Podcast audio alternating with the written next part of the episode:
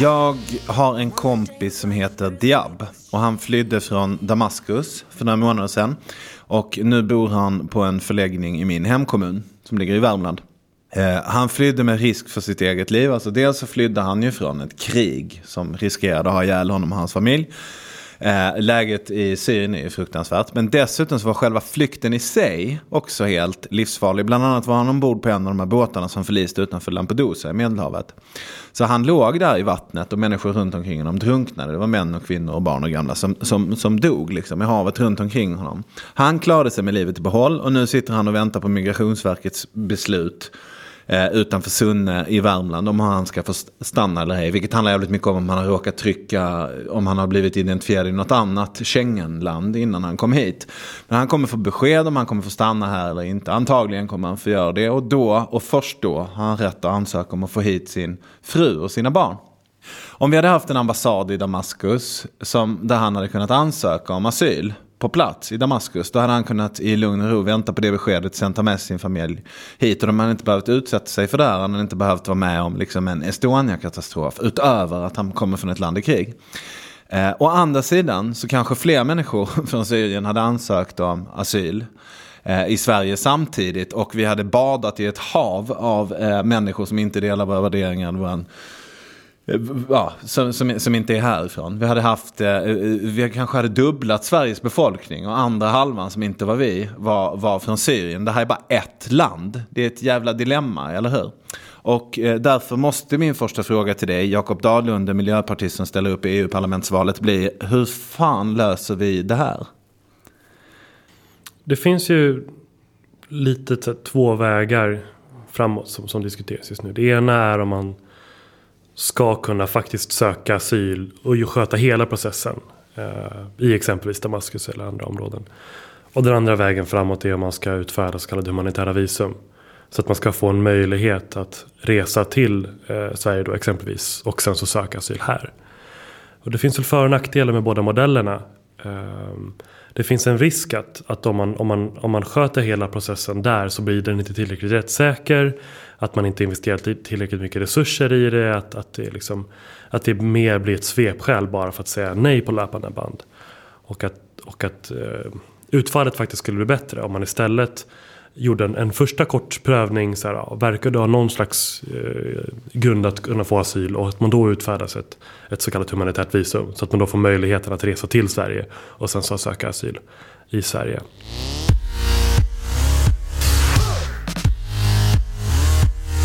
Jag heter Kristoffer Appelqvist. Jag är en eh, köpt tv-clown som brukar medverka i reklam-tv som i, i, slutändan brukar handla om att sälja OBH Nordicas eh, eh, produkter. Men, men idag så är, är jag podcastgubbe som gör den här eh, podcasten Synfält framåt tillsammans med dig Tobias. Ja, jag heter Tobias Wahlqvist.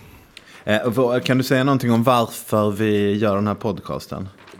Ja, vi problematiserade den politiska debatten i den bemärkelsen att vi tyckte att det var för mycket pajkastning av de andra och hyllande av de egna. Okritiskt hyllande av de egna. Det behövs ett samtal där man har synfält framåt och kanske mer pratar om framtiden och vilka värderingar som ska leda oss dit än eh, att fokusera på vem som har gjort något dumt för länge sedan. Just det. På Twitter så hittar man det på Attobo. Attobo, T-O-B-B-O. Och jag heter uh, att Appelstoffe. Så där kan man gå och så kan man gnälla på oss där om vi säger något som är dumt. Uh, så är det. Det är du och jag. Och då uh, går vi till dig Jakob. Vem är du? Var kommer du ifrån? Jag är faktiskt född och uppväxt här på Södermalm där vi är just nu. Det är, ja gatan är utanför. Mittemot så gick jag på dagis och jag gick i skolan i Katarina norra ett stenkast därifrån. Så det, vi är, befinner oss i mina hemmakvarter. Ja, vad gjorde dina föräldrar när du var barn? De är båda eh, kulturarbetare. Eh, min mamma inom eh, teater framförallt och pappa inom film och eh, tv. Mm. Min mamma gör peruker och eh, mask och uppsättningar och den typen av saker. Och min eh, pappa framförallt eh, filmar. Men då borde du väl vara vänsterpartist och inte miljöpartist? Man kollar fördomsmässigt på detta. Mm, ja, och jag tror nog att, att hade jag liksom satt ner foten och valt parti tidigare. Då kan det nog mycket väl ha blivit eh, Vänsterpartiet. Men, men mitt, mitt, liksom, inte politiska uppvaknande, men mitt steg från politiskt engagemang till att faktiskt sätta ner foten och välja ett parti. Så, så hade jag eh, landat lite annorlunda i mina politiska värderingar och valde då Miljöpartiet. Mm, Okej. Okay. Vad var det som fick dig att göra det där då? Att bestämma dig för att engagera dig och, och välja parti då? Jag kommer ihåg, jag var på vägen från skolan eh, en dag och eh, så längs vägen så var det en sån här tv-butik med massa tv-apparater. Som alla visade samma bilder av eh, eh, flygplan som kraschade in i World Trade Center.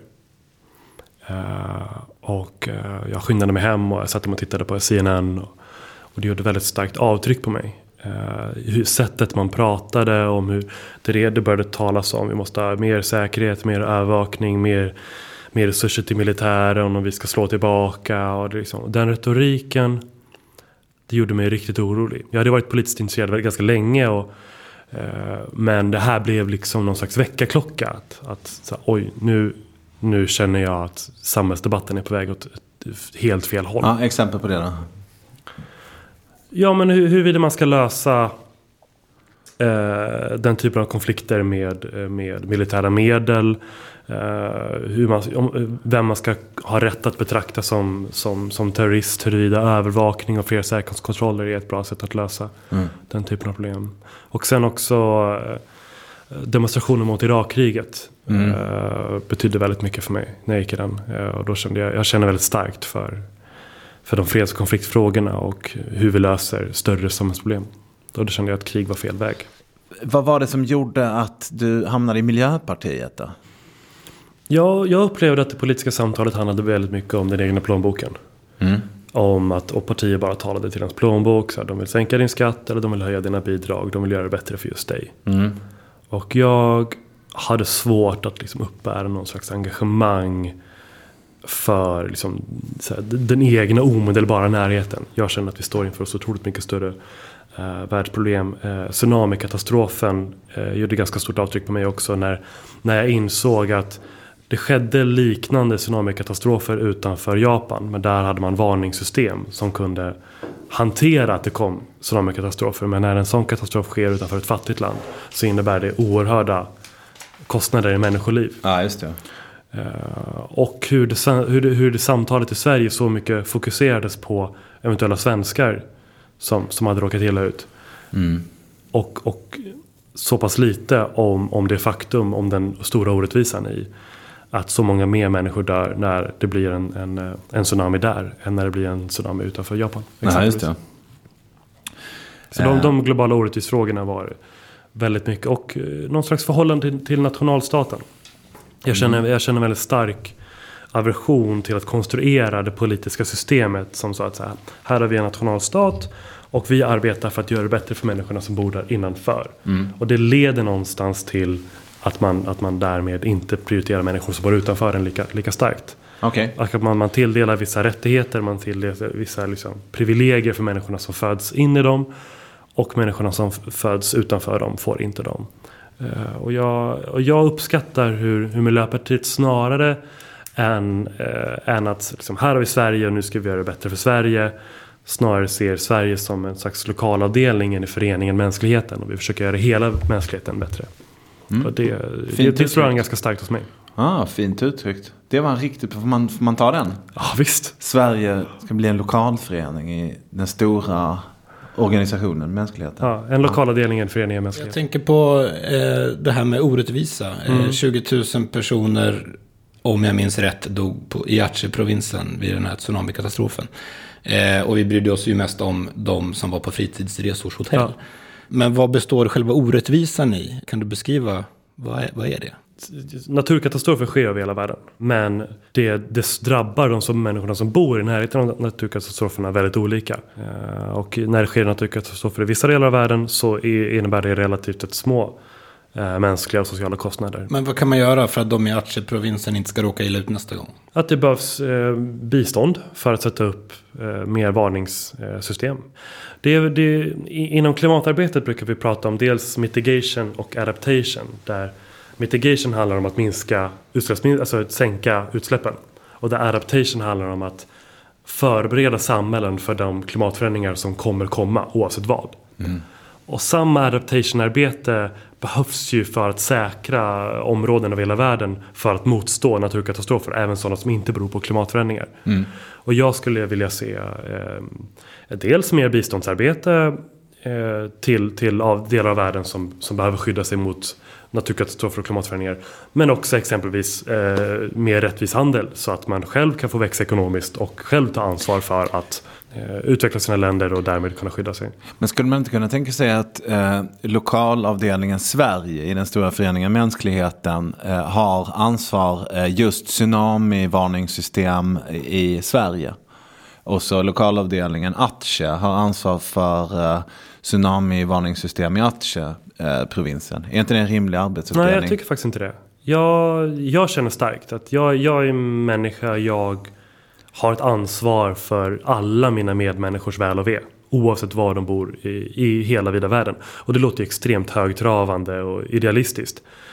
Och det är svårt att löpa hela linan ut från det resonemanget. I så fall skulle jag behöva sälja allt jag äger och liksom men det är det i alla fall som är min politiska ledstjärna. Mm, okay. att, och det, är också, det var det som fick mig att välja Miljöpartiet. För jag upplevde att vänstern var liksom vänster... Alltså nationalist låter så himla hårt. Det, det, det är liksom, nationalist låter väldigt mycket hårdare än vad jag kanske menar. Men det finns en, en tendens av att man, att man värnar de egna medborgarna högre än medborgare i andra länder. Och det är väl, det är väl någonstans ofrånkomligt att göra det överhuvudtaget. Men jag jag kände en stark, eh, en stark längtan av att, att, att inte bara det perspektivet hela tiden skulle dominera den politiska dagordningen. Nej. Och därför valde jag Miljöpartiet. Du, äh, använder du ordet solidaritet någon gång? Ja, absolut. För det är det, jag tänker att det är det du snackar om. Mm. Internationell solidaritet. Ja. Jag vill det som driver dig i sådana fall. Om du tycker Definitivt. att vi ska engagera oss mm. i platser som vi inte ens vet var de ligger knappt. Mm.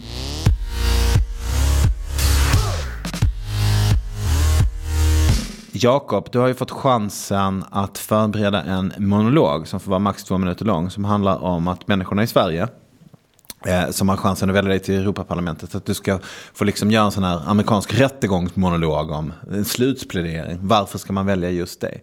För ett antal år sedan så befann jag mig på vägen från Jerusalem eh, till Beirut. Eh, men eftersom att eh, staten Israel och Eh, Libanon inte är de bästa vänner så behövde jag ta omvägen via Amman. Och när jag då befann mig på vägen till, eh, till Amman och åkte längs Västbanken så stannade den lilla taxibilen eh, till vid ett vägskäl. Vi skulle köpa lite någonting att dricka. På den ena sidan av vägen så fanns det ett israeliskt jordbruk. På den andra sidan av vägen fanns ett palestinskt jordbruk. Det israeliska hade eh, växthus och traktorer och konstbevattning och det palestinska såg ut att tillhöra förra årtusendet. När jag pratade med palestinska bonden där så berättade han att det här var första gången i hans familjs generationslånga historia som det inte hade regnat i november. Han var helt eh, förkrossad och trodde att alla hans grödor skulle dö ut. Och det var första gången som jag med egna ögon fick se hur Eh, klimatförändringarna är inte någonting som händer i framtiden utan det är någonting som redan händer här och dag. Som underminerar med förutsättningarna för mänskligt liv. Och det slår oerhört mycket hårdare för de människor som inte kan hantera och som kan skydda sig mot de klimatförändringarna. Och lite senare på den resan när jag väl kom fram till, till Beirut så fick jag möjlighet att åka till flyktinglägret Shatila där väldigt många palestinier har, har tagit till flykt. Och när jag såg hur människorna levde där så förstod jag varför man riskerar livet och sätter, på, sätter sig på de där små skrangliga flyktingbåtarna och försöker korsa Medelhavet. Och de upplevelserna fick mig att känna att jag måste kämpa för någonting som är större än mig själv. Att jag måste kämpa för att dels stoppa de klimatförändringar som är på väg. Att kämpa för att eh, skydda de människor som inte har orsakat klimatförändringarna men får ta den största smällen från dem. Och att om det är så att vi nu har industrialiserat vårt samhälle på ett sånt sätt som förstör förutsättningar för mänskligt liv på andra delar, då har vi en skyldighet att också öppna våra samhällen och ta emot de flyktingar som, som vill söka en fristad här. Så därför så kandiderar jag till parlamentet för att jag vill minska utsläppen, eh, skydda samhällen mot, dem, mot klimatförändringarnas effekter och även öppna gränserna och låta människor eh, söka en fristad här. Du nämnde Aceh-provinsen och du nämnde Palestina och eh, som jag tolkar det så problemet i båda fallen är ju fattigdom. Hur löser man problemet fattigdom? För att en klar majoritet av världens befolkning är ju fattiga. Men vi kan ju samtidigt se att dels Johan Norberg men också Hans Rosling brukar ju evangelisera om att den senaste tiden har sett eh, ganska markanta eh, fattigdomsreduceringar eh, den senaste tiden. Mycket på grund av globalisering, eh, ökad handel, att eh, fler människor kommer in i det, som det globala sammansatta ekonomiska systemet. Eh, och inte minst i Kina så är det otroligt miljontals människor som har lämnat eh, vedervärdiga villkor på den kinesiska landsbygden. Och, och kanske visst med, med svenska mått mätt så är den, de fabriksvillkoren de som jobbar i kanske vi skulle aldrig acceptera dem men det, men det är i sammanhanget en, en kraftig förbättring. Uh, så att det, dels tror jag på att en, en, en ökad integrering och ökad handel är en, en stor del av förklaringen. Att, att bara ge bistånd kommer inte vara en del av lösningen. Men samtidigt, all denna handel, all denna industrialisering är också det som driver klimatutsläppen. Som riskerar att dra undan mattan för alla de förbättringar vi har sett de senaste 30 åren. Så det är en, det är en otroligt komplex fråga.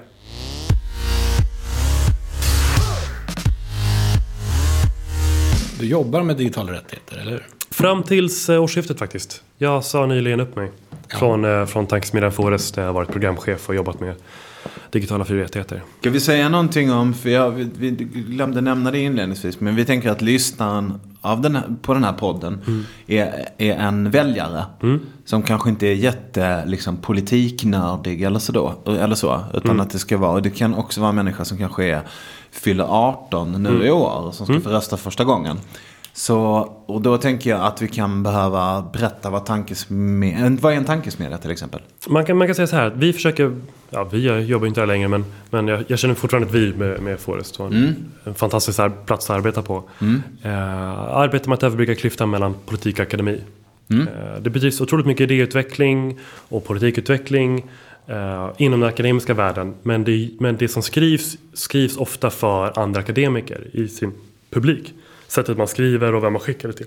Väldigt mycket av det når aldrig politiken. Och väldigt många, många akademiker är rädda för att ha klivit in i den politiska debatten för att man ska färgas. Att du stödjer bara ett visst parti och att det ska förstöra för ens akademiska karriär och det politiska systemet så som det är uppbyggt tenderar att favorisera ett väldigt kortsiktigt perspektiv. Vad kommer gynna oss i opinionsmätningarna eller i nästa val? Så det finns liksom en missmatch här mellan politik och, och forskning och då vill Fores vara liksom en länken däremellan att eh, dels liksom publicera ny forskning men skriva det på ett annat sätt och försöka göra det mer tillgängligt för politikerna. Och också vara ett forum för där politiker kan komma till, där akademiker kan komma till tals. Okay. vad, vad, vad finns det fler för tankesmedjor då? Till exempel? Eh, Timbro, Arena Idé, Katalys, eh, Sektor 3. Varför finns det flera olika? Varför räcker det inte med en? Det som, man kan säga så här, det som, det som skiljer många ett, ett, en, ett, en, en forskningsinstitution och en tankesmedja. Att de flesta forskningsinstitutioner är, vad ska man säga, neutrala. Mm. nu svår... gör du kaninöron i luften, ja. det syns inte när ja. vi gör radio. men nu sa jag det. Clever. Mm. Eh, ja, men det, det, skulle vara svårt om de skulle säga, ja men eh, Stockholms universitet, de favoriserar eh, mm. Folkpartiet. Tankesmedjor är alltså inte helt oberoende, Nej. utan de har en ideologisk hemvist. Absolut. Timbro till exempel tenderar att värdera förutsättningarna för fritt näringsliv. Det är det viktigaste för dem. Deras pengar kommer från... Ja, mm. exakt. Så de, de tittar på andra frågor också. Men, mm. men bottom line är liksom förutsättningarna för fri företagsamhet. För, för Fores del så handlar det om att, att uh, hållbarhet, entreprenörskap, uh, liberalism i största allmänhet. Mm. Eh, där jobbade du. Mm. Eh, och då jobbade du med digitala rättigheter, var det så? Det var det, det var det område som jag var chef över. Men jag jobbar också en hel del i, i på miljö och klimatområdet. med exempelvis EU-system för handel med utsläppsrätter jobbade jag ganska mycket med. Och också de globala klimatförhandlingarna. Vad tar du med dig eh, för frågor till EU-parlamentet om du hamnar där? Ganska mycket av alltså, vikten av att lyssna på vad forskningen säger. Att inte bara tänka på men vad går att göra i år? Vad tycker folk är acceptabelt att man säger? Utan, utan men nu får du vara konkret. Vad, vad, finns det någon konflikt som du vill kasta dig in i? Dels så vill jag ju att, att EU ska reformera sitt system för handel med utsläppsrätter. För det är ett av de viktigaste verktygen vi har för att minska utsläppen i Europa. Men också dels så skulle jag vilja egentligen göra om hur EU arbetar med integritetsskyddet. Det finns en tendens att de människorna som vill att informationen ska vara fri och som inte har lust, som inte tycker att det är rättfärdigt att ta betalt för immateriella värden. Eh, de vill väldigt gärna att deras personuppgifter ska vara hemliga för alla andra. Det är alltså bara viss information som ska vara fri. Har du några tankar om det? det citatet, information wants to be free, det är bara halva citatet. Det är en, det är en hel mening. Och, nu, och andra halvan är? Det minns jag inte på, på rak arm. Men, men det är någonting i stil med att balansera åt andra hållet. Att man kan inte bara... Alltså, information wants to be free och det är ett viktigt perspektiv. Men så finns det också andra perspektiv. Liksom så mm. så he, hela, den, hela den utläggningen har en större dynamik i sig. Ja. Än, än, äh, än bara den frasen. Uh, och jag tror att marknadsekonomi hör hemma även i kultursektorn. Jag, jag tror inte på, på någon slags idé om att, om att det enda vi ska göra är att, att kulturskapare ska bara producera och sen ska folk ladda ner olagligt och sen ska allting bara lösa sig helt magiskt. Eh, någon, någon sån ut, utopi vet inte riktigt jag om jag tror på. Nej. Däremot, detta sagt, så tror inte jag på att sättet att lösa det här, att, att få de här sakerna att hänga samman i en totalitär övervakningsstat. Där vi, där vi liksom övervakar alla vad alla gör. Det är liksom inte riktigt lösningar utan snarare handlar det om att hur kan vi vrida och vända på upphovsrätten? Hur kan vi titta på marknadslösningar? Liksom affärsmodeller för att få de här sakerna att, att fungera ihop. Det är jag mer intresserad av än att försöka försvara det tidigare sättet, liksom de tidigare distributions och produktionsmodellerna. Så som jag tycker att man lite fram tills ganska nyligen lite eh, försökt göra. Men nu när det kommer nya modeller som Netflix, eh, HBO, Nordic och Spotify exempelvis. Eh, Kickstarter. Det finns ju massa olika sätt där, där kreatörer och konsumenter nu kan mötas. På en lite lägre nivå. Det är väl, det, det är väl inte, det, är det inte det som är den stora reformen? Liksom att upphovsrättshavarna inte kan leva på det. Det räcker inte att skriva en hit och sen så har du försörjningen bärgad för resten av livet. Utan du får snällt jobba vidare om du vill fortsätta tjäna pengar. Vilket jag kan tycka är ganska rimligt. Alltså den tidigare modellen eh, tenderade ju att, att, att, att gynna den som stod, slog riktigt stort mm. och som ett skivbolag vågade tro på och slå, sätta igång den stora marknadsföringsmekanismen. Medan nu i, i, i, den, i det nya paradigmet så är det lättare att för den som har talang och som har produktionsmedlen att få ta klivet in och, och, få, sin, få sin låt eller sitt material inne på exempelvis Spotify och så att folk kan börja lyssna på det och så kan det växa därifrån den tidigare modellen där, där skivbolagen var gatekeepers och som antingen trodde på någon eller inte gjorde det och antingen investerade eller inte gjorde det. Uh, jag, jag, jag, jag, tror att det finns potential i att den nya modellen faktiskt kan fungera ännu bättre. Sen är vi inte där än för jag tycker att de ersättningar som man, som man får är på tok för låga. Sen finns det också en diskussion om att de som framförallt tjänar pengar på hela det nya, nya paradigmet är bredbandsleverantörerna. För de kan ta ut ganska mycket pengar gentemot en relativt sett låg investeringskostnad. Eh, eh, därför att eh, människor är he helt okej okay med att betala 300-400 spänn för sin bredbandsuppkoppling. Men man vill bara betala 79 spänn för Netflix eller, eller där någonstans samma sak för Spotify. Eh, trots att bandbredden i det man laddar ner framförallt går till den här tyngre, tyngre typen av tjänsterna. Uh, så, att, så att det, det, finns ett problem i den dynamiken också. Att eh, bredbandsleverantörerna lever ganska gott eh, på men, men, jag är inte beredd att bara betala 79 spänn till Netflix. De kan ju testa och höja det till 279 spänn så kan de få svar på om jag att betala det. Jag antar att det är någon sorts mötespunkt, att man har gjort någon... Ja, fast då, då skulle jag säga att eh, om, om vi har tid att gå ut lite grann i den här frågan eh, så kan man ju säga så här. Problemet är att det, det är så då svag konkurrens på den här marknaden eh, och att kulturproducenterna... Vilk, vilken marknad? För legala känslor för kulturkonsumtion. Om, vi, om vi tar Spotify exempelvis. Jag råkar faktiskt, eh, om, ursäkta namedroppingen, men jag gick på samma gymnasium som Daniel Ek som grundade Spotify. Mm. Uh, och jag fick en möjlighet att betatesta Spotify långt innan produkten fanns tillgänglig. Mm. Fungerade hur bra som helst. Tekniken fanns där. Utmaningen för Spotify var ju inte teknisk, den var juridisk. De skulle säkra en otrolig massa avtal Och det var ju ett helskotta att få till alla de avtalen som man Nu hade kom rätt. det ett fult ord också. Ja, men det är för att jag är lite upprörd. Eh, och problemet är att om någon vill göra samma sak som Spotify vill göra så funkar det liksom inte bara att utveckla en lika bra teknik. De måste också anställa en väldig massa jurister som ska träffa en väldig massa avtal oerhört många Ja men det är väl klart skivbolag. som fan. Det är väl klart. De ska inte skriva musik. De ska inte, de ska inte knacka HTML. Nej, Nej. grejen är ju att samla ihop rättigheterna till all den här musiken på ett och samma ställe. Och då, men då är problemet om det bara finns en aktör som, som, som har energin att göra allt det arbetet och som klarade av det först liksom, eh, när man fick den finansieringen som krävdes för att lägga ner all den tiden. Om det bara finns den, den aktören och kulturproducenterna och skivbolagen i viss utsträckning upplever att så här, marknaden går från att vi köper i skivbolagen till att vi lyssnar på Spotify istället. Vill du finnas med på Spotify? Ja, det vill jag. Och då accepterar man deras villkor. Och därmed så blir eh, ersättningen för artisterna så låg. Om, men om däremot marknadsförutsättningarna var något annorlunda så att leverantörerna, alltså, eller distributörerna av tjänsterna behövde kämpa om att få sälja artisternas musik. Då skulle ju ersättningarna gå upp. Okej. Och jag, jag, sit, jag vågar inte säga att jag sitter på lösningen att, att, att detta ska ske. Men jag tror att man som lagstiftare ska fundera lite grann på marknadsförutsättningarna. Och, vri, och försöka, hur kan vi utforma licensieringsmodeller, skyddstider, eh, ersättningssystem, eh, hela upplägget för att se till att, att, att det ska löna sig mer. Eh, eller för att kon- kon- konkurrensen ska utformas på ett sådant sätt. Att Mauro Scocco ska få tillbaks lite större bit av sin gamla kaka. Ja, det, det, det vet jag inte om, om just Ma- Mauro Scocco. Men, men, men ersättningarna är uppenbarligen för låga. Och, och, eh, och jag vet inte om... eh, Och jag, jag, jag, jag, vi måste hitta ett sätt att få de ersättningarna att gå upp. Ja, okej. Eh, jag håller inte med dig. Jag är själv en live-artist. Och det är det jag lever på. Ibland spelar jag in. Jag menar, jag, min föreställning Drömmen om Amerika gick på kanal 5 här för ett par veckor sedan.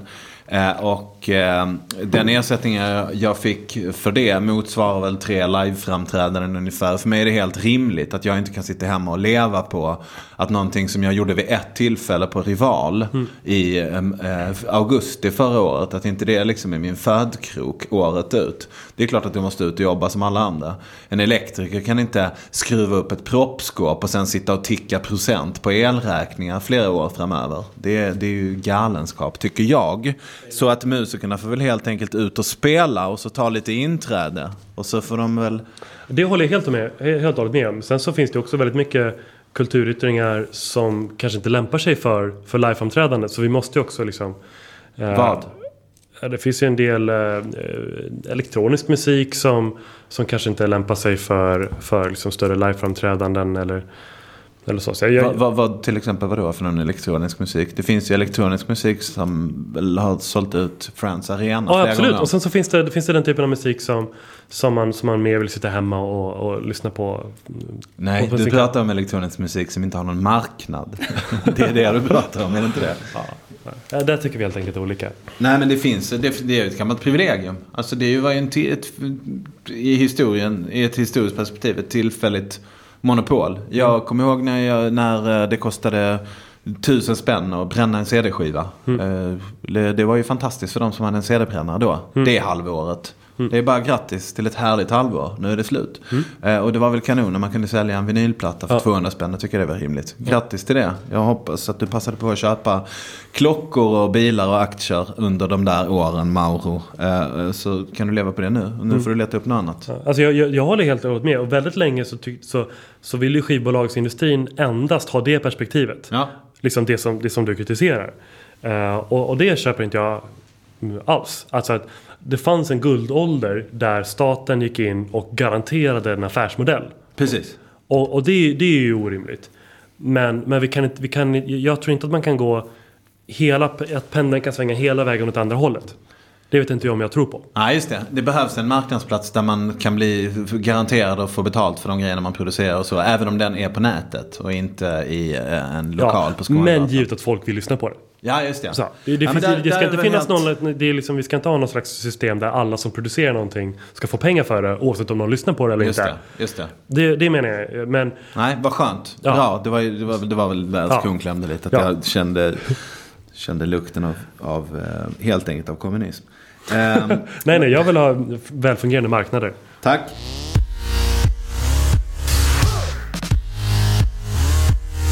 Det här med patent, hur har man en modern syn på det? Vid sidan av att jag är som politiskt engagerad så är jag också en ganska stor datanörd vid sidan av. Och jag följer ganska mycket så här, teknikpodcasts. Eh, och där så ondgör man sig väldigt mycket kring mjukvarupatent exempelvis. Där det för mig känns ganska uppenbart att det är alldeles för lätt att komma på någonting som egentligen inte är så särskilt så svårt att komma på, som någon annan också skulle kunna komma på. Men bara för att man råkar komma på det först så skyddar man det och sen så får ingen annan göra likadant. Uh, och att det hämmar liksom, utvecklingen. Um, och där, där jag kan tycka att tröskeln för att få ett patent skulle kunna vara, vara lite högre. Att, att man verkligen bara skyddar de här riktigt unika uh, idéerna. Uh, och att, och att det framförallt ska, ska gälla liksom så teknisk utveckling, inte lika mycket mjukvaru, mjukvarukod. Eh, tänker jag. När det gäller läkemedel då till exempel? Men man kan ju tänka så här. Å ena sidan, eh, om, om, om man inte skulle kunna söka patent för att, att, att man är ett stort eh, läkemedelsbolag, man lägger ner fem år på att ta fram en ny, eh, en ny, eh, en ny produkt. Och sen så får man ut det på marknaden och sen så är det någon som eh, får tag på den produkten och lyckas bakvägs så här, ingenjörskonsta liksom, och lista ut på hur man har producerat den och bara gör en kopia om, om, om det bara blir så hela tiden då kommer väldigt få företag investera de ekonomiska resurser som krävs för att ta fram ett sånt, en sån produkt. Och då, då är ju risken att vi får sämre eh, läkemedelsprodukter i framtiden.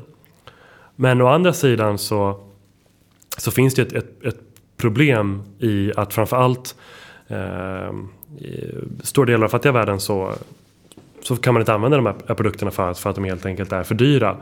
Och att man, man, man kanske skulle kunna hitta, hitta någon modell för, för, för någon slags överföring. Att patenten gäller i eh, ett visst land men inte andra. Att man får kopiera i andra länder. Eller att man, eller att man, gör någon slags, att man formaliserar överföringen av teknik till andra länder och gör, gör avtal. Jag är inte någon expert på det men, men jag, jag tycker att man borde kunna vara lite eh, lite mer eh, pragmatisk där. Jag tror att det är så här att eh, läkemedelsföretagen de söker patent i länder där det finns en marknad. De söker inte patent överhuvudtaget i många afrikanska länder för det inte finns en marknad. Och eh, rent lagligt sett så skulle någon kunna göra en kopia och sälja i de här fattiga länderna utan att begå ett brott. Men eftersom det inte finns en marknad så är det inte ens någon som gör kopior av det. Delar du denna bilden? Nej, det måste jag nog säga att den, den informationen jag tar del av är att det är ett ganska stort problem. Eller sagt, västerländska läkemedelsföretag stör sig väldigt mycket på att deras produkter kopieras i exempelvis Indien och, och det säljs kopior av deras produkter. Men är inte det i grunden samma problem som att till exempel Mauro Scocco tyckte att det var jobbigt att det kom internet för Absolut. hans tillfälliga monopolsituation i Ja, skivaffärerna? absolut. Ja, absolut. Jag, jag, jag menar verkligen inte att jag liksom helt och hållet tycker som, som, som läkemedelsbolagen. Det är, det är en otrolig välfärds... Man kan säga så här. På det, det, det är på sätt och vis en otrolig så här, kulturvinst att all den, all den kulturmaterial som har producerats kommer ut till massorna och inte står inlåst. Eller HIV, bromsmediciner Exakt. Det är, en, det är en fantastisk vinst för mänskligheten. Ja. Eh, att människor som inte skulle ha råd att betala de priserna som läkemedelsföretagen vill ta. Mm. Och de får tag på dem eh, på den olagliga vägen. Det. Det är en otrolig vinst för mänskligheten att Det så är är ett fallet. open, open office för hiv-smittade. Exakt. Det är helt fantastiskt. Men vad händer om vi då om, om, om detta får fortgå och sen så, så, så når vi en, en position där, där, där det inte längre forskas lika mycket eh, på att ta fram den här typen av medicin. Så att eh, det, man måste vrida och vända Men du, på det. där. frågorna, fråg, problemet har vi klart för oss. Ja. Men har du någon, har du någon tanke om, om är, det rimligt, är det rimligt att man kan ta patent på någonting och ha det så jävla länge som man Nej. har nu? Det är det rimligt att upphovsrätten för musik är tusen år? Att, det, att det liksom Elvis släktingar fortfarande lever på Elvis musik? Jag tycker att det där är precis rätt fråga som man ska ställa sig. Svara på den då. Ja, det vågar jag inte göra. Nej, men det vad vågar- fan gör vi då? Vad fan, vi har ju fullt med frågor, du är här för att svara på dem. Jag, jag måste säga att jag, jag som, som, som politiker måste vara ödmjuk inför att jag inte sitter på alla svaren. Eh, och som politiker så är man ju någonstans ans ansvarig för att vara liksom eh, den som hanterar liksom att dels har du väljarna på ena sidan, du har det politiska systemet, du har forskningen, du har andra partier och så ska man försöka vrida och väga. Man är inte där som, som sanningssägare, man är inte där att sitta på all kunskap själv. Man, har, man är en del att hantera ett, ett politiskt maskineri. Om jag, ska, om jag ska rösta på det, då vill jag att du ska eh, formulera problemen på ett tydligt sätt. Som jag kanske är oförmögen att göra själv. Jag vill också att du ska svara på en del av de frågorna som dyker upp. Inte på alla, men jag vill att du ska göra det. Eh, för att du ska kunna göra det, vilket område vill du då att vi ska prata om? Vad har du tydliga idéer om vad det är du vill göra? Ja, dels eh, klimatområdet inte minst. Eh, men även migrationsområdet. Bra, då tar vi dem i tur och ordning. Klimatområdet, vad, om du får välja en fråga, vad skulle du vilja slåss för när du kommer till EU-parlamentet? Eh, reformera EUs system för handel med utsläppsrätter. Handel med utsläppsrätter i princip, är det rätt eller fel? Det finns ju två sätt att lösa det hela. Och innan man införde det europeiska systemet så diskuterade man, ska vi ha en europeisk koldioxidskatt? På- I ganska likt den svenska modellen. Eller ska vi ha ett system där man, där man handlar med utsläpp- utsläppsrätter istället? Ja. Eh, och eh, det, finns, det finns meriter med båda systemen men man valde till slut systemet med handel med utsläppsrätter för att det var lättare att få igenom. Eh, det var fler som kunde tänka sig det systemet. När det infördes så, fick, så kritiserade man ju den idén med att det var lite som katolska kyrkans avlatsbrev. Att man kunde köpa sig fri från ansvar. Eh, vad tycker du om det? Men så, det innebär ju alla marknadsorienterade system som inte utgår ifrån förbud. Är ju i någon mån så. Och jag vet inte om jag tror att det bästa sättet att lösa det här är att vi ska fatta ett beslut. Ja, men nu förbjuder vi alla kolkraftverk. Jag vet, jag vet liksom inte riktigt om, om, om det är det bästa sättet att lösa det. Utan jag, jag tror snarare på att sätta ett riktigt högt pris på att driva kolkraftverk så kommer det successivt bli allt mer olönsamt att gräva upp och elda kol och det kommer successivt allt mer lönsamt att istället energieffektivisera, bygga ut förnybar energi, vindkraft, solkraft, bioenergi. Fracking. Eh, det är jag nog lite mer skeptisk till. Okej. Kärnkraft. Eh, nej tack. Okej.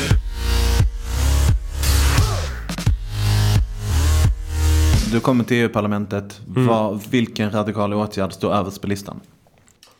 EUs system med handel, handel med utsläppsrätter behöver reformeras på flera sätt. Men och dels finns det liksom, eh, det långsiktiga Nej, Perspektivet. Nu, nu, nu vill jag be dig om ett, en åtgärd. Ja, då skulle jag vilja att man lyfte ut mellan en och två miljarder utsläppsrätter ut ur systemet vilket skulle ganska snabbt eh, höja priset på utsläppsrätterna och därmed förändra investeringsdynamiken mellan att investera i förnybar energi eller att eh, investera i, i kolkraft. Och det skulle också... Okej, för det, det, är- det är ju en konstgjord marknad det här med utsläppsrätter. Och, och, det, och, det, och du menar att det helt enkelt är för billigt Absolut. att släppa ut. Så du skulle vilja chockhöja pris, priserna Pri- för... När man införde systemet, eh, som inte jag minns fel, så gjorde man en, en, en, en beräkning. Man trodde på att priset skulle ligga på mellan eh, 30 och, och eh, 40 euro per, per, per utsläppsrätt. I dagsläget ligger den på typ så här 7, 8, 9 euro. Okej. Det ligger, priset är idag långt under än vad man trodde att det skulle vara. Men Okej. är inte det en konsekvens av att man har effektiviserat? En del av det är absolut därför. Men också på grund av att man, man när man trodde hur lätt det skulle vara att, att effektivisera så var man ganska skeptisk och trodde att det skulle vara väldigt svårt. Och när det visat sig vara väldigt lätt. Men, men det betyder inte att allting är peachy. Vi, släpper ju fortfarande ut på tok för mycket utsläpp än vad vi borde kunna göra. Okej. Och då har det då visat sig att vi, vi, vi borde kunna lyfta ut eh, mellan en och två miljarder utsläppsrätter eh, för den här utsläppsperioden. Vilket då, då skulle innebära utsläpp som aldrig blir av. Det är alltså det billigaste sättet att, att minska utsläpp i dagsläget. Man, man, eh, man ökar på incitamentet för att effektivisera bort eh, koldioxidutsläpp igen. Absolut. Ja, konkret och bra. Tack så Ja, hemskt mycket. så. Du, vet du vad? Ja. Eh, det måste ju betalas av någon. Ja. I slutändan är det väl ni som lyssnar på podcasten gissar jag, som ska betala det här. Mhm. I vilken form kommer de att få betala det där tror jag? Vad är det som kommer bli dyrare? Det kommer bli dyrare framför allt att driva kolkraftverk. Och det kommer, föränd- det kommer påverka Är det elräkningen? det är dels är det? elräkningen, eh, men det innebär också högre kostnader för företag som vill producera saker med hjälp av el. Mm. Ehm, och, så det, och det måste vi vara ärliga och franka med. Mm. Att vi, många saker kommer bli dyrare om jag får min vilja igenom. Så är det absolut. Men samtidigt så skulle jag gärna vilja se eh, skattesänkningar på inkomstsidan. Framförallt för låg och medelinkomsttagare. Så att man har eh, råd under övergångsperioden. Det är så kallad grön skatteväxling.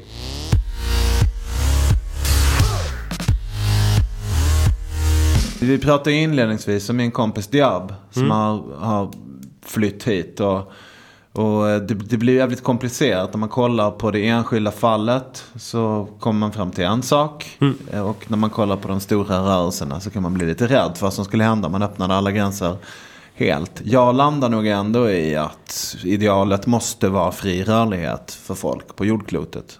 Vad är ditt ideal? Okej, det gör det. Jag vill se helt fria gränser. Du snackade om att man skulle kunna ha någon sorts eh, snabbprövning i, eh, i hemlandet. Eh, vad, vad skulle den i sådana fall röra sig om om vi hade fria gränser? Helst vill jag såklart se he- helt fria gränser. Men som, som politiker så, så är man ju nödgad att inte bara utgå ifrån den världen man själv vill se. Utan man är också, man är också tvingad in i ett system tillsammans med en massa människor som inte tycker likadant som en själv.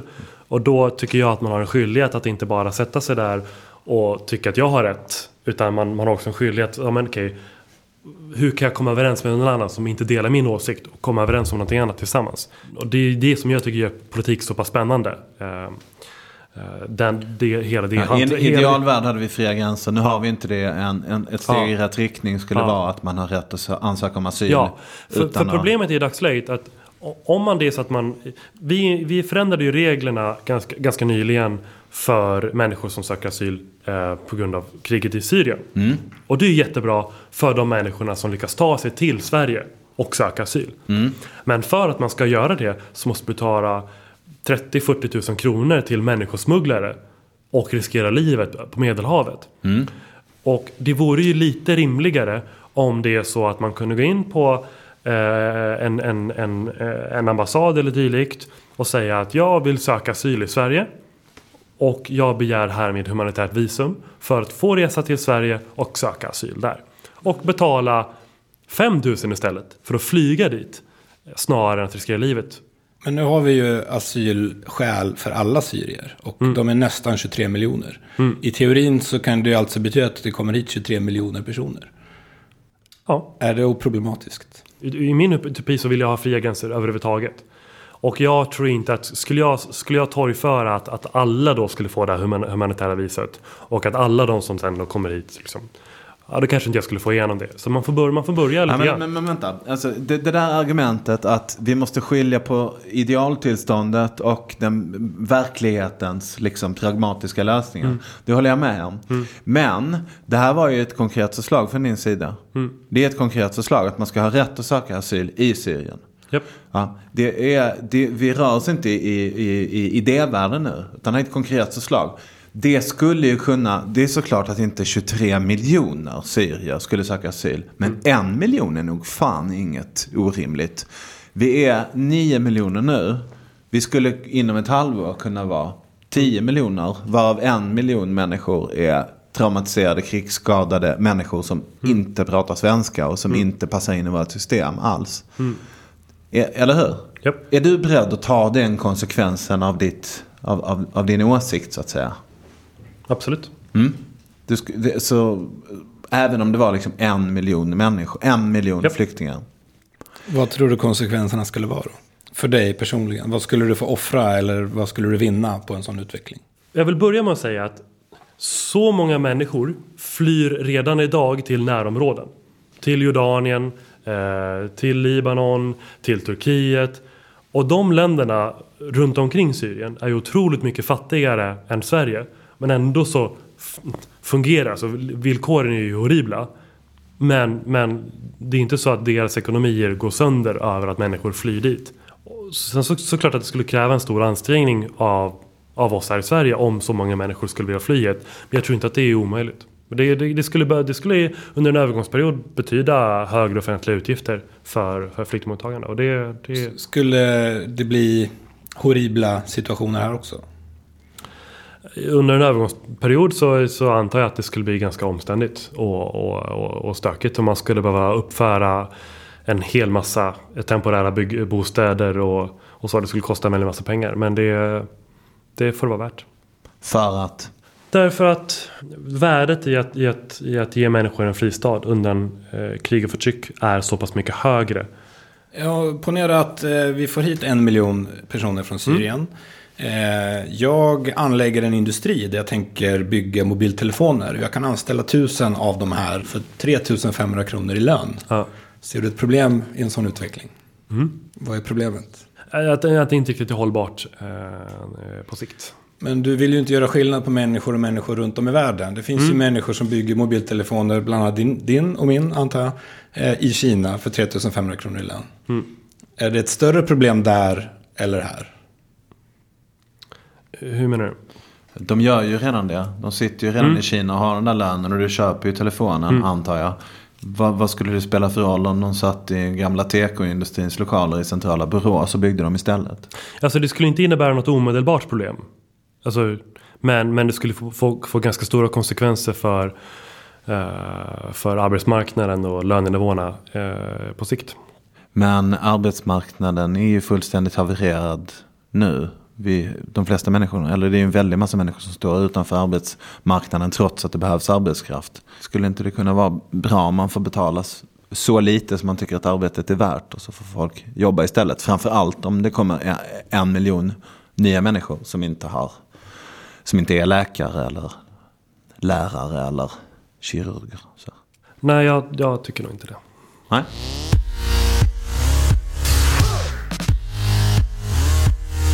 Vad är viktigast om man ska vara en bra politiker? Är det att man har eh, bra värderingar eller är det att man, har, att man är proffsig? Att man har rätt kunskapsnivå? Värderingar skulle jag säga.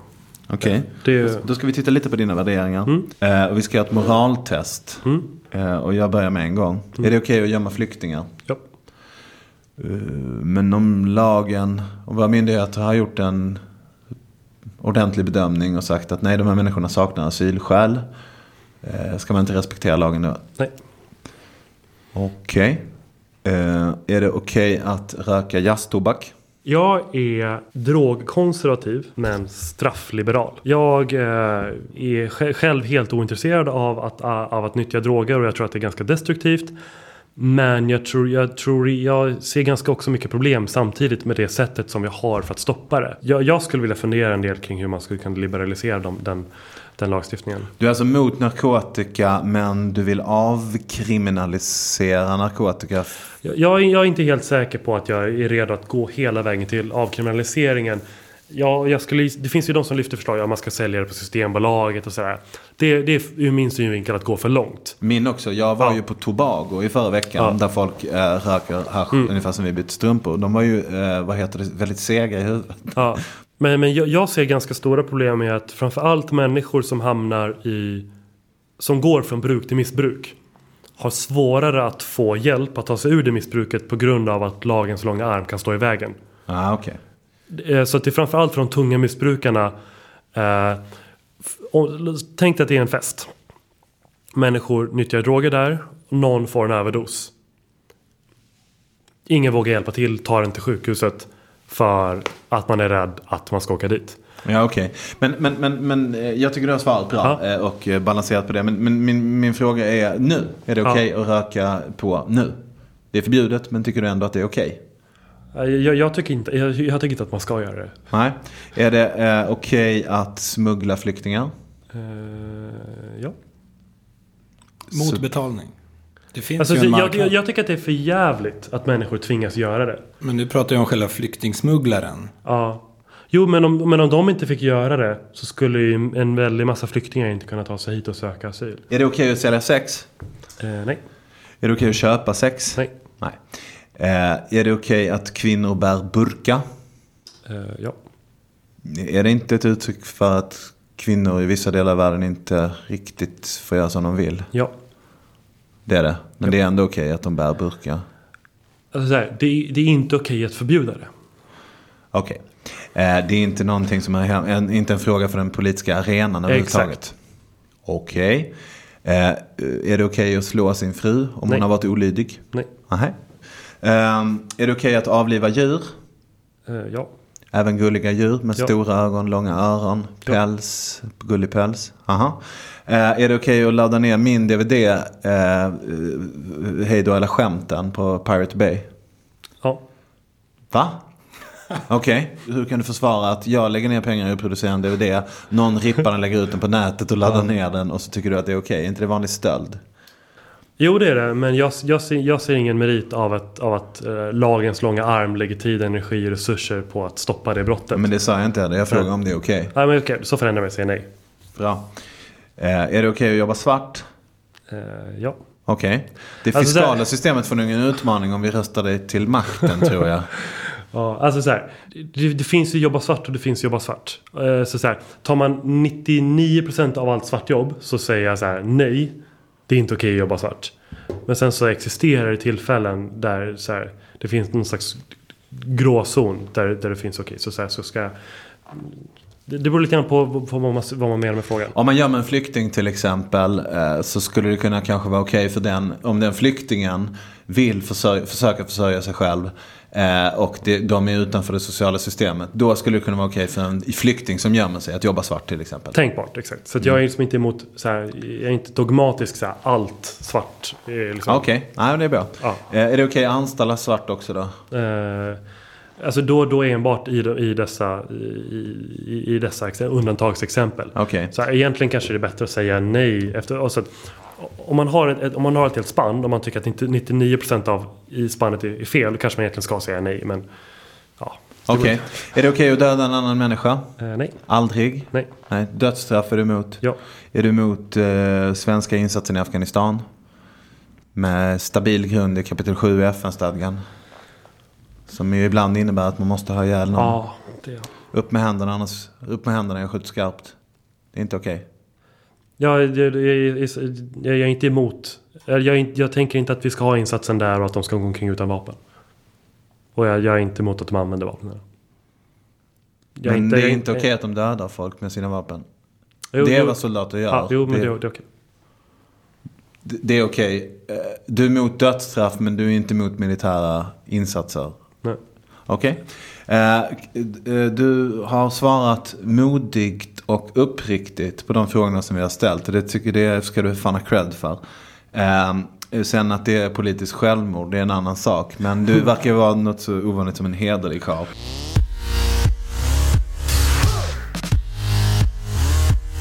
Jag ska ge dig en present. Och det är ett, ett tvåsidigt porträtt. På den ena sidan är det Kristoffer Polhem. Och på andra sidan så är det Karl XI. Varsågod, grattis i efterskott. Eller förskott, jag vet inte Tack när du fyller år. Visst fyller du 30? Jag fyller 30 den 2 februari. Bra, Samma du. dag som eh, EU-parlamentsomröstningen eh, avslutas faktiskt. Så du vet vad du önskar dig i, i födelsedagspresent. Yes. Förutom den 500 som du nu fick ur eh, min privata samling.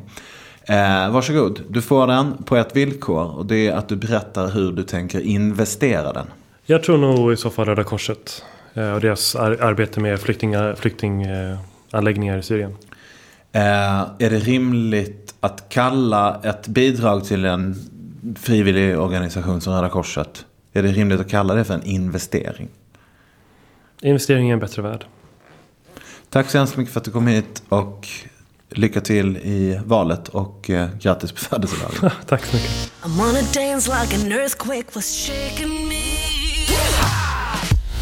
I'm gonna sing like my heroes were with me. Yeah. I built an